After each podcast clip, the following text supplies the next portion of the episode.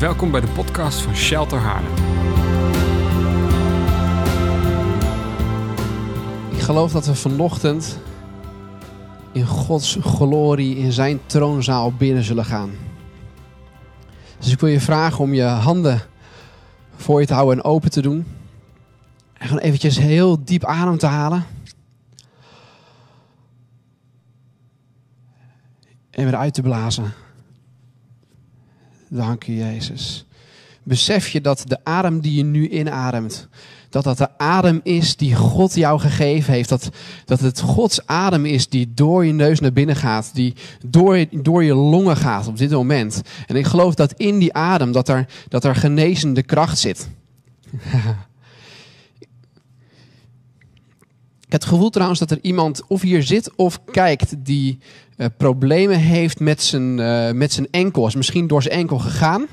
Misschien problemen heeft met zijn enkel, maar eh, best wel veel pijn heeft. Dus op het moment dat je last van je enkel hebt, wil ik vragen of je even je hand erop wil leggen. En vader, ik bid dat u komt op dit moment met uw genezende kracht. Heilige Geest, kom. Vul deze lichamen. Ik zeg pijnen wijken in de naam van Jezus op dit moment. Pijnen verdwijn. In de naam van Jezus. Amen. Come on. Ik hoop dat jullie, eh, dat jullie allemaal lekker aan het genieten zijn van deze sneeuwtijd. Ik ben in ieder geval super blij dat ik eh, in deze koude tijd mijn muts op kan houden. Eh, want zoals, zoals denk de meeste van ons, behalve Wesley trouwens. Looking good man. Maar eh, mijn haar in ieder geval is een soort van wilde manen. maar dat zullen heel veel mensen denk ik wel hebben nu in deze tijd. dus ik ben in ieder geval heel erg blij met mijn muts. Maar wat een lekkere tijd leven we nu in. Super lekker met de sneeuw, familie en ik hoop dat jullie ook allemaal erg aan het genieten zijn. Ik wil jullie vanochtend meenemen in een persoonlijk verhaal. En een persoonlijk verhaal naar God toe. Een persoonlijk verhaal over de periode waar we doorheen zijn gegaan met Libby. En de goedheid van God die we erin hebben gezien. Dus het is misschien wel leuk om een, eh, een korte Libby-update te geven. Even voor de kijkers thuis. Libby. Dat is iets wat we altijd doen. Dat is hartstikke leuk. En eh dat is een onder onsje. Ehm, Libby, Libby Update, zoals eh, de meesten van jullie weten, ehm, is ongeveer een jaar geleden Libby geboren, onze prachtige dochter. En helaas eh, kwam zij in het ziekenhuis terecht en ehm, heeft ze uiteindelijk door geelzucht een hersenbeschadiging opgelopen. En dat is in ieder geval hetgeen wat de artsen zeggen. En wat super bijzonder is, dat nu een jaar later de dingen die uitgesproken waren door de artsen, was dat ze misschien meervoudig gehandicapt zou zijn. Of niet zou kunnen lopen of niet zou kunnen praten. Maar nu een jaar verder, ze is nu eh, een jaar en een maand, eh, heeft ze een week geleden haar eerste stapjes gezet. Come on, thank you Jesus. Heeft ze haar eerste stapjes gezet. Ehm, zegt ze papa en mama. En ontwikkelt ze ontzettend goed. En daar zijn we zo dankbaar en trots op. Eh, Sowieso op haar voor de ontwikkeling, maar ook gewoon op de goedheid van God. En hetgeen wat Hij gedaan heeft in het afgelopen jaar, de doorbraken die Hij gebracht heeft. En de afgelopen twee maanden was gewoon één feestje van doorbraak naar doorbraak. Van artsen die zeiden dat ze het niet konden geloven wat ze zagen. Thank you Jesus. Dank u papa. En ik verlang ernaar dat we een krachtige beweging gaan zien van Gods geest. Waarbij de genezingen en wonderen en tekenen hetgeen is wat we dagelijks zien. En ik zie dat er een generatie gaat komen. En een generatie zal zijn. Dat we nu in een generatie leven die een mantel zal ontvangen. Voor de discipelen van naties. Om Gods koninkrijk zichtbaar te zien op aarde. Dus ik geloof dat we een nieuwe mantel ontvangen voor de discipelen van naties. Ik zie vaders en moeders die opstaan en een veilige plek creëren voor de volgende generatie. Die niet alleen denken aan deze generatie, maar de generatie die komt en de generatie die hierna is. En ik zie zonen en dochters opstaan in autoriteit vanuit het koninkrijk. En dat is waar ik naar verlang. Dat is naar waar, waar ik naar verlang om te zien. En als jullie zo dat verhaal van Libby horen met die doorbraak en de doorbraak, is het voor onszelf best wel een moeilijke tijd geweest waar we doorheen zijn gegaan. Omdat de uitslagen van de artsen niet altijd even positief waren en even goed waren. Maar ik geloof dat hetgeen wat we vandaag cultiveren, hetgeen wat we vandaag doen, zet ons op voor succes in de toekomst. Dus de sleutels die ik heb ontvangen, vijf, zes jaar geleden, misschien wel tien, vijftien jaar geleden, hebben me opgezet voor succes voor die periode. Wat ik dus niet zeg is dat God die periode aan ons gegeven heeft. Wat ik wel zeg is dat God geeft ons de tools en bereidt ons voor voor het juiste moment, wanneer wij het nodig hebben.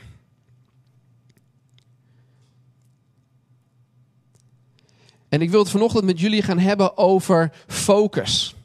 Waar ligt je focus? Is die focus geworteld in hoop? In de God van hoop. Ik wil met jullie lezen Jeremia 17, vers 7 en 8. En daar staat: Gezegend is de Heer. oh, haha. Gezegend is de man die op de Heere vertrouwt. En wiens vertrouwen op de Heer is. Hij zal zijn als een boom die bij water geplant is. En die zijn wortels laat uitlopen bij de waterloop. Hij merkt het niet als er hitte komt. Zijn blad blijft groen. Een jaar van dorte en droogte deert hem niet.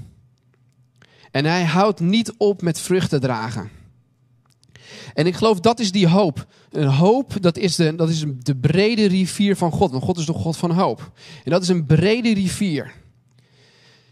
Maar zoals jullie allemaal weten is dat een rivier, die heeft uiteindelijk al dat kleine beekjes die leiden naar die grote brede rivier. En er zijn een aantal beekjes die ik jullie zou willen voorstellen. Die San en ik gecultiveerd hebben in ons leven die ons op hebben gezet voor succes in het afgelopen jaar. En het mooiste voorbeeld, dat is, dat is het woord van God. Dat staat in Psalm 1. Er zijn totaal zes punten trouwens, voor de mensen die uh, structuur prettig vinden. Gewoon uh, zes punten aflopen. Maar punt nummer 1 is het woord van God. In Psalm 1, daar staat dat als je, als je doordrenkt bent van het woord van God, dan ben je als een, ploom, als een boom die geplant is aan die rivier van levend water.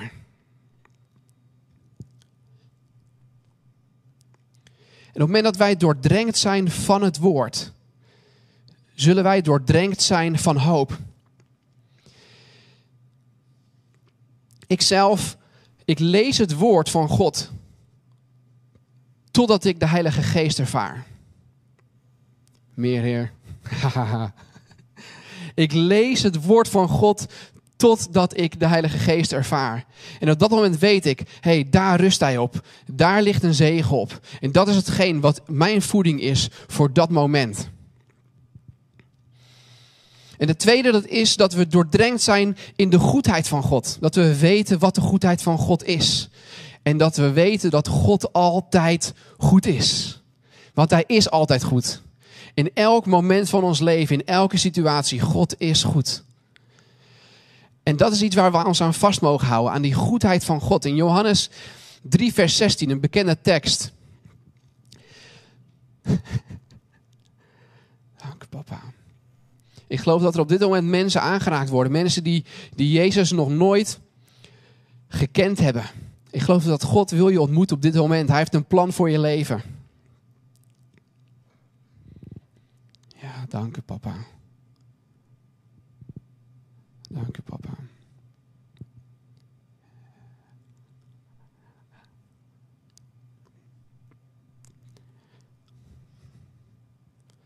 Johannes 3, vers 16. Al zo lief had God de wereld, dat Hij zijn enige zoon gegeven heeft.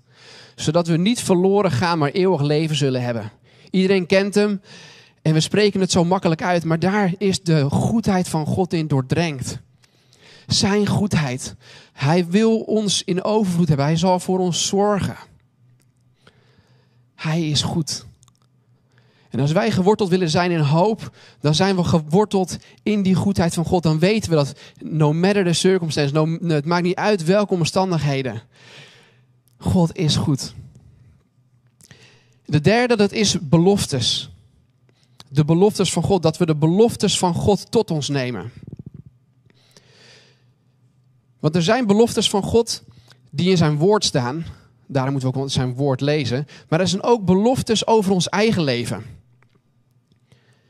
En we moeten vasthouden aan die beloftes. Op het moment dat we vasthouden aan die beloftes, dan weten we dat op het moment dat er, tijden komen dat de omstandigheden niet goed zijn, dat we ons vast kunnen houden aan de profetieën die uitgesproken zijn over ons leven. De richting die God heeft uitgesproken.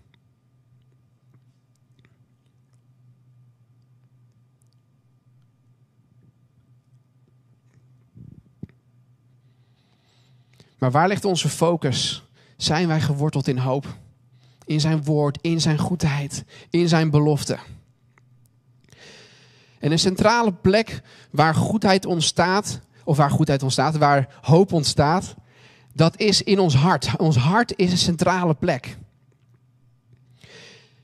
En eh, we kennen een bekend gezegde, waar het hart vol van is, daar stroomt de mond van over. En Proverbs, Spreuken 4, vers 23. Daar staat: Bewaak je hart boven alles wat te behoeden is. Want van daaruit ontspringt het water, de put van het leven. Spreuken 4, vers 23. Bewaak je hart boven alle dingen. Want van daaruit ontspringt de put van het leven. Dus waarmee we ons zullen vullen, dat, dat is ook hetgeen wat eruit zal komen. Weet je, waar ligt die focus? Waar is ons hart vol van? Spreuken 17, vers 22 zegt: Een vreugdevol en dankbaar hart brengt genezing aan lichaam en ziel. Wow, dat is een sleutel. Dat is een sleutel. Een vreugdevol en dankbaar hart brengt genezing aan lichaam en ziel. Maar een neerslachtige geest zou moeite hebben met ziekte en depressie. Wow, dat is bizar. Ik geloof dat er op dit moment mensen bevrijd zullen worden van neerslachtigheid. van pessimisme. We verbreken dat op dit moment in Jezus' naam. En dat de vreugde en dankbaarheid van God in je hart zal zijn. En in je hart zal komen op dit moment in de naam van Jezus.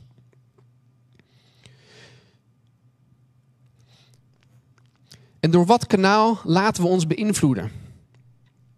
Ik geloof dat het hart, dat is het, dat is het ziel, dat is de basis van ons lichaam, wordt bepaald door wat we denken en wat we spreken. En er zijn veel christenen bezig met strijden tegen de duivel. Dat vind ik altijd mooi. En strijden, we gaan strijden, strijden tegen de duivel.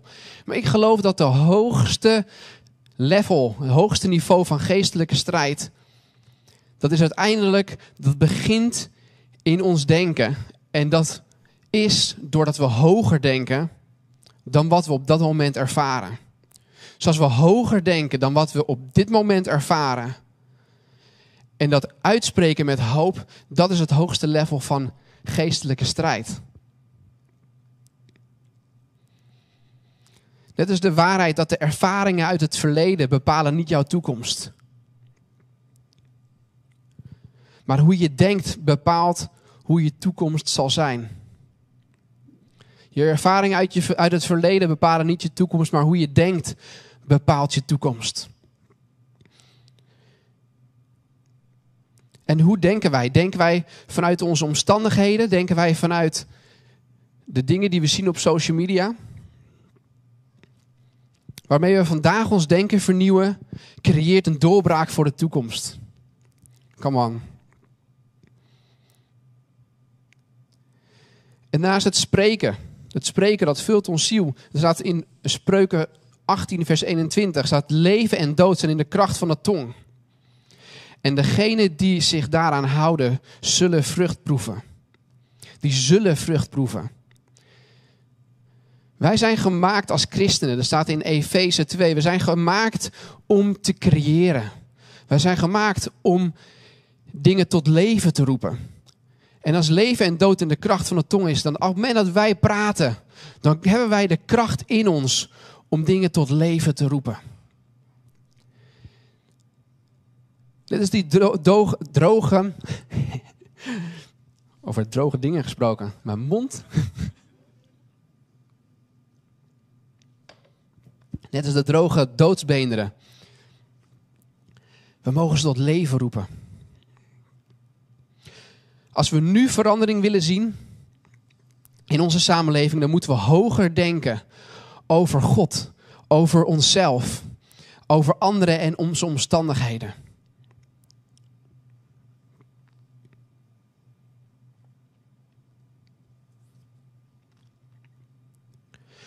Dus we begonnen met de rivier van het woord. Geworteld zijn in het woord, doordrenkt zijn van het woord. Doordrenkt zijn, nummer twee, in de goedheid van God.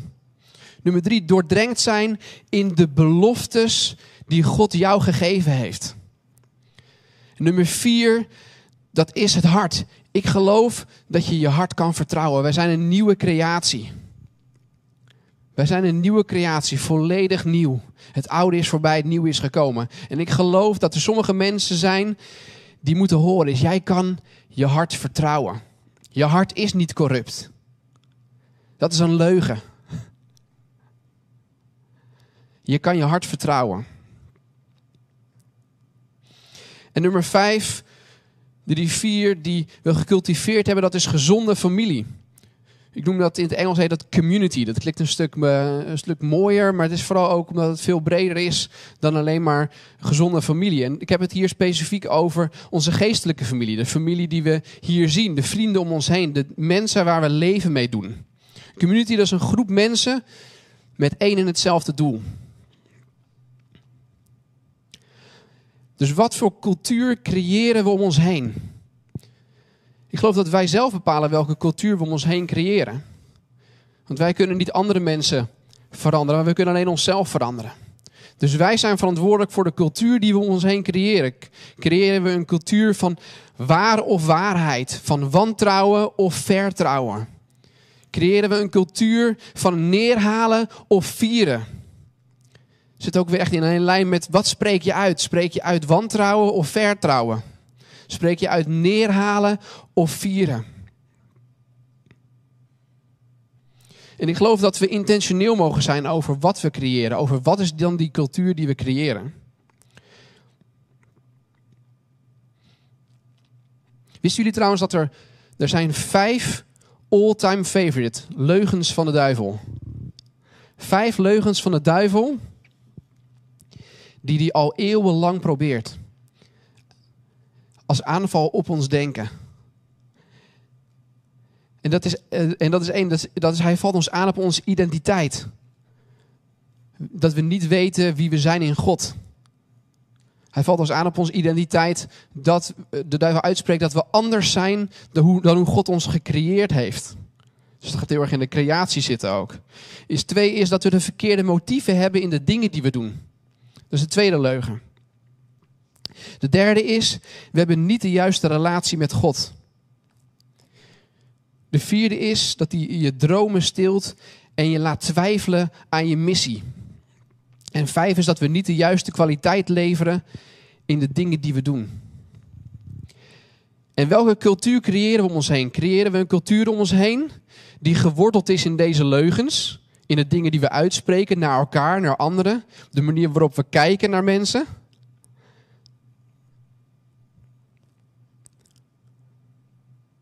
Spreken we dus wantrouwen of vertrouwen?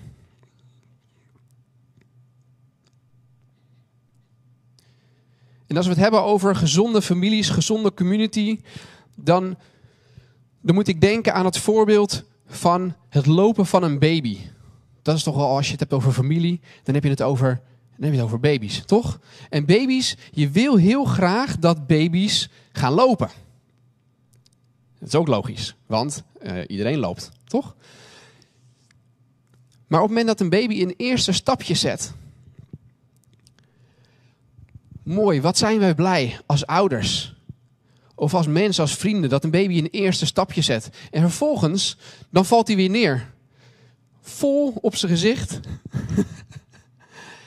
en wat doen we dan? Zeggen ze, kom op, je kan het. Come on.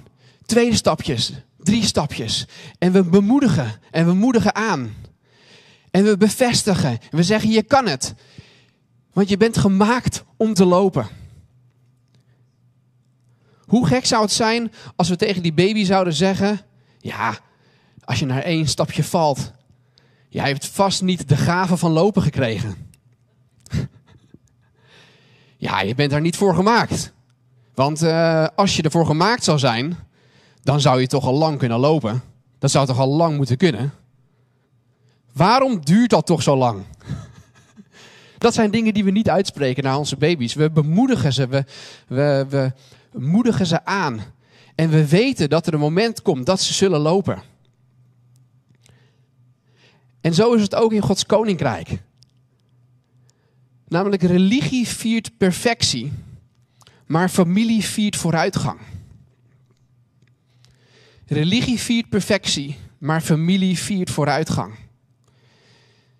En religie dat is geworteld in controle, in kritiek, in wantrouwen, in twijfel, in passiviteit. Religie belemmert creativiteit, vrijheid en veiligheid. Dus als religie geworteld is in perfectionisme, maar familie viert vooruitgang, dan zit er een sleutel in dat we vooruitgang vieren. Er zit een sleutel. Dat we kijken naar wat goed is met een plaats of een persoon in plaats van wat er mis is. We beoordelen mensen niet om wat ze doen, maar om wie ze zijn. En ik geloof dat dat een hele mooie shift is. En ik ga een aantal dingen opnoemen die voor mij familie is. Dat voor mij heeft gezorgd in het afgelopen jaar dat, uh, dat we een goed fundament hebben. Maar het zal misschien triggers opleveren bij je, omdat je bij het woord familie je dingen relateert aan dingen die je misschien thuis hebt meegemaakt. Dus de ervaringen uit het verleden. Maar die bepalen niet je toekomst. Dat betekent dat die dingen zijn misschien voor jou waar, maar ze zijn misschien geen waarheid in Gods koninkrijk. Maar ik geloof dat familie, dat is zonen en dochters die weten wie ze zijn en opstaan als prins en prinsessen. Die weten dat ze gemaakt zijn in een koninkrijk. Dat ze geadopteerd zijn in een koninkrijk. Van zonen en dochters met autoriteit. En dat er vaders en moeders zijn die bevestigen, bemoedigen. En een veilige plaats creëren voor groei. Maar dat is hetgeen wat vaders en moeders doen. Die creëren een veilige plaats voor groei. Ik geloof dat familie is gezonde communicatie en conflictoplossing. Familie is vrijheid en veiligheid. Familie is elkaar helpen en dienstbaar zijn waar nodig. Dus je kan in het woord familie kan je tegelijkertijd ook het woord kerk zetten. Of community. Of gemeenschap, zoals we dat hier met shelter zijn. Dus ik geloof dat shelter is vrijheid en een veilige plek. Shelter is elkaar helpen en dienstbaar zijn waar nodig. Shelter is toestemming om risico te nemen zonder gelijk afgemaakt te worden. Wow. Shelter is elkaar eren. Vaders en moeders en leiders. Shelter is groot dromen. Shelter is genade en shelter is fun. En ondanks dat er misschien triggers zijn omdat je het niet ervaart, betekent niet dat we perfectie vieren, maar we vieren vooruitgang. Elke keer dat we een van deze punten zien in onze familie, dan vieren we dat.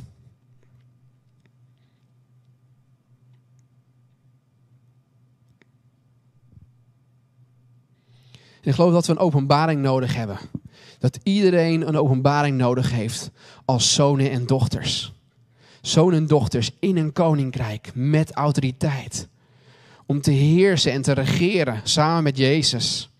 Die nederig zijn, die dienen waar nodig, die mensen vieren en mensen eren. Ik geloof dat familie een cultuur is waar we mensen vieren voor wie ze zijn en niet om wat ze doen. En dat is het goud dat mensen halen. Dat is mensen vieren en eren voor wie ze zijn en niet om wat ze doen.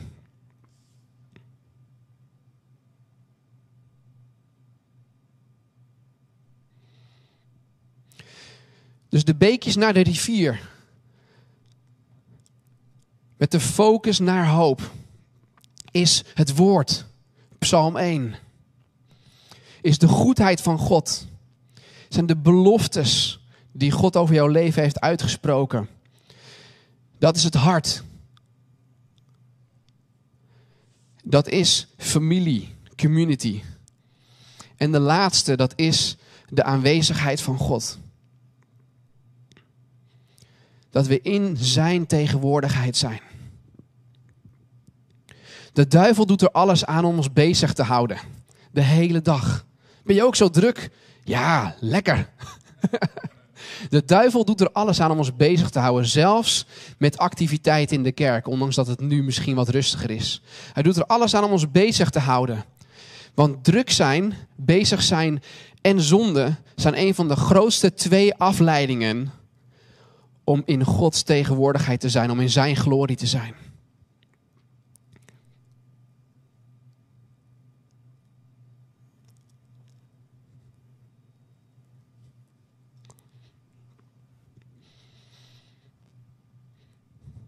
Ik geloof dat er twee dingen zijn waarvoor wij leven. Is wij leven om Jezus te vertegenwoordigen en Hem glorie te brengen. Dat is het enige waarvoor wij op aarde zijn. Op het moment dat je zit te kijken en je vraagt je af, waarom zijn wij hier op deze aarde?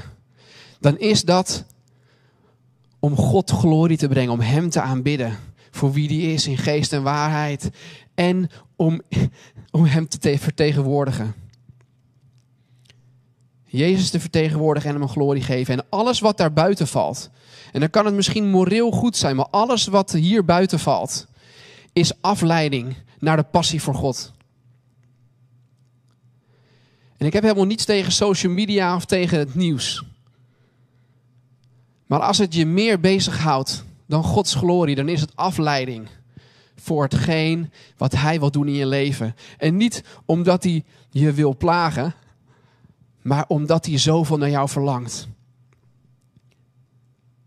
Hij heeft het beste met je voor. Psalm 2, vers 4 staat: Hij die in de hemel zit, lacht.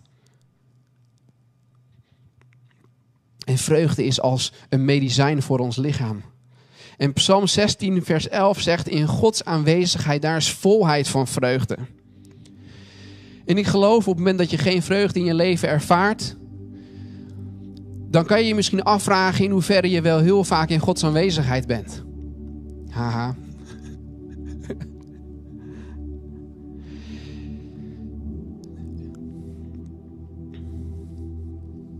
En ik wil je uitdagen, hoor Gods roep. Er is een roep van God voor zijn volk om Hem te vertegenwoordigen. Om in Zijn tegenwoordigheid te zijn. Om die rust te ontvangen vrede te ontvangen, hoop te ontvangen, in zijn troonzaal te zijn. In Psalm 91, vers 1, daar staat: Wanneer je op de troon in de hemel zit, onder de schaduw van zijn tegenwoordigheid. Wow, neem het in je op. Wanneer je op de troon zit, in de hemel, onder de schaduw van zijn tegenwoordigheid, zit je verborgen in de kracht van de Allerhoogste. Wanneer je op de troon in de hemel zit, onder de schaduw van zijn tegenwoordigheid, zit je verborgen in de kracht van de Allerhoogste. En zijn nabijheid, dat zorgt ervoor dat dingen misschien wazig lijken voor je. Dingen lijken uit focus. En dat terwijl zijn nabijheid juist die focus is. De schaduw van zijn tegenwoordigheid je zit in zijn schaduw. Dat, dat betekent dat het soms lastig is om vooruit te kijken. En er staat, hij is een lamp voor je voet en een licht op je pad. En soms is hij een lamp voor je voet en soms is hij een licht op je pad. Maar op het moment dat je in zijn tegenwoordigheid bent, dan zit je onder zijn vleugels. Dan zit je in zijn schaduw. En dan is hij een lamp voor je voet omdat Hij zo dichtbij is. En het is een uitnodiging op dit moment om je focus te vernieuwen voor hetgeen wat echt belangrijk is. God nodigt je uit om te focussen op hetgeen wat echt belangrijk is. Ik bid voor geen afleiding en dat we al in zijn. Al in voor Gods koninkrijk. Al in in zijn tegenwoordigheid. Dat je weet waar je ja tegen zegt, zodat je ook weet waar je nee tegen zegt. Weet waar je ja tegen zegt.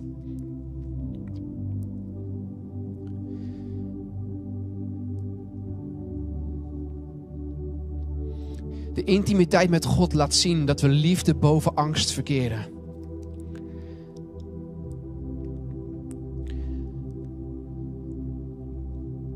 En waar laten we ons mee in? Met liefde of angst? In onze keuzes, in onze motivatie, in onze gedachten en ambities, de dingen die we uitspreken. Dank u, papa. En ik geloof dat God op dit moment de ogen opent om te zien.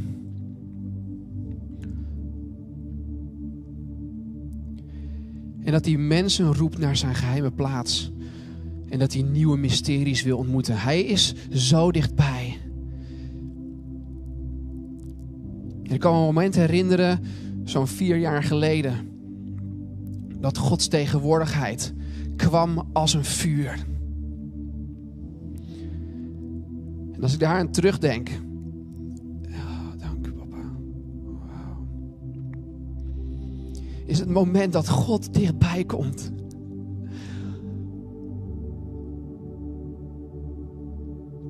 Komt hij met zijn vuur. En dan word je volledig verslonden door dat vuur. Maar niet omdat hij je wil pesten, maar omdat hij het als uitnodiging wil geven om dichter bij hem te komen. En dat is de uitnodiging die er op dit moment ligt voor jou om dichterbij te komen.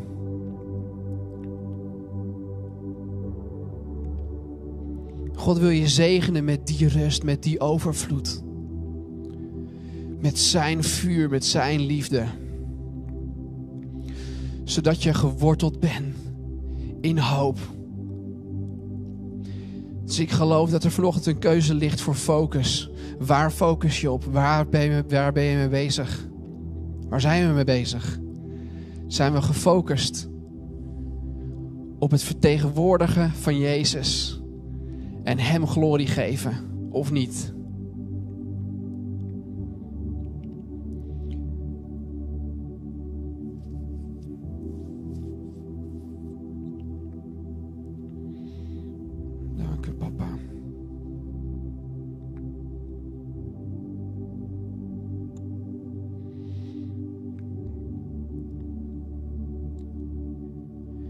Het moment dat je nu aan het kijken bent en je hoort voor het eerst over een goede God.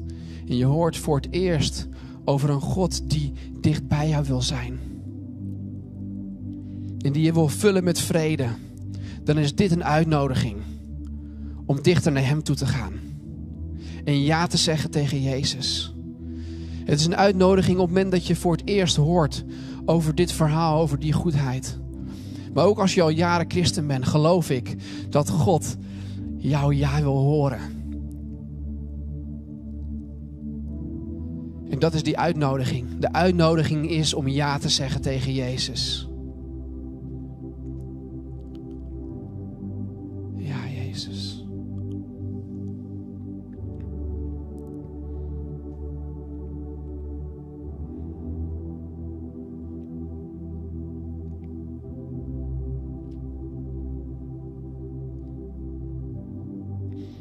En ik bid, Vader, dat u die sluier, dat u die weghaalt. En dat we u zullen zien in geest en waarheid. En dat we uw tegenwoordigheid zullen voelen als nooit tevoren. En dat we in die vrijheid zullen wandelen.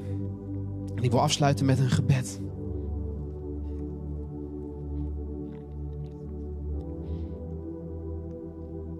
Heilige Geest, kom.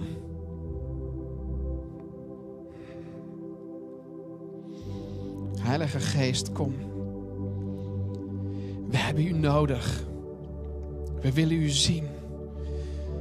We willen bij u zijn. We willen onder uw vleugels zitten. Papa, ik bid dat u komt als die comforter.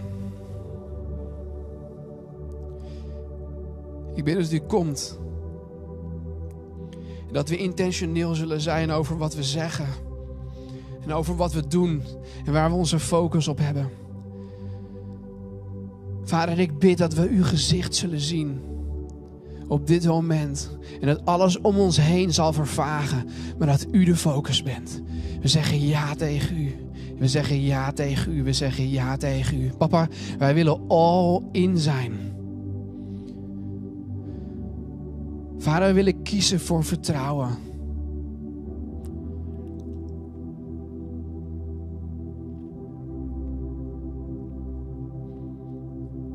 Heilige Geest, kom.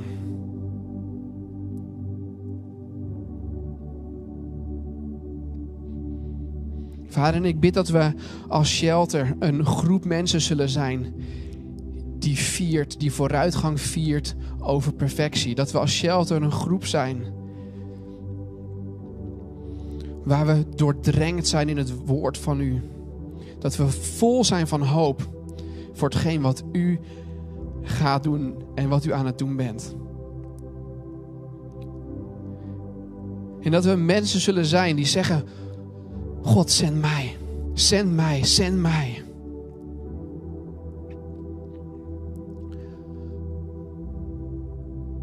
De oogst is groot. God vraagt: zend mij, zend mij.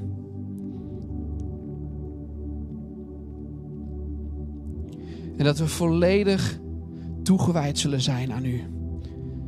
Dat we volledig gefocust zijn. En in liefde voor Jezus.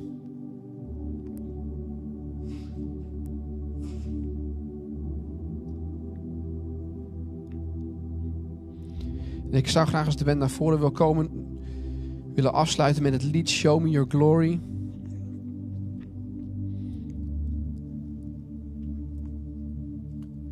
Want in zijn tegenwoordigheid en in zijn glorie,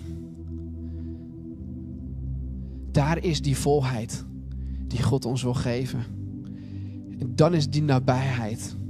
En alles komt daaruit voort. Dat is die rivier. Die rivier, dat is zijn tegenwoordigheid.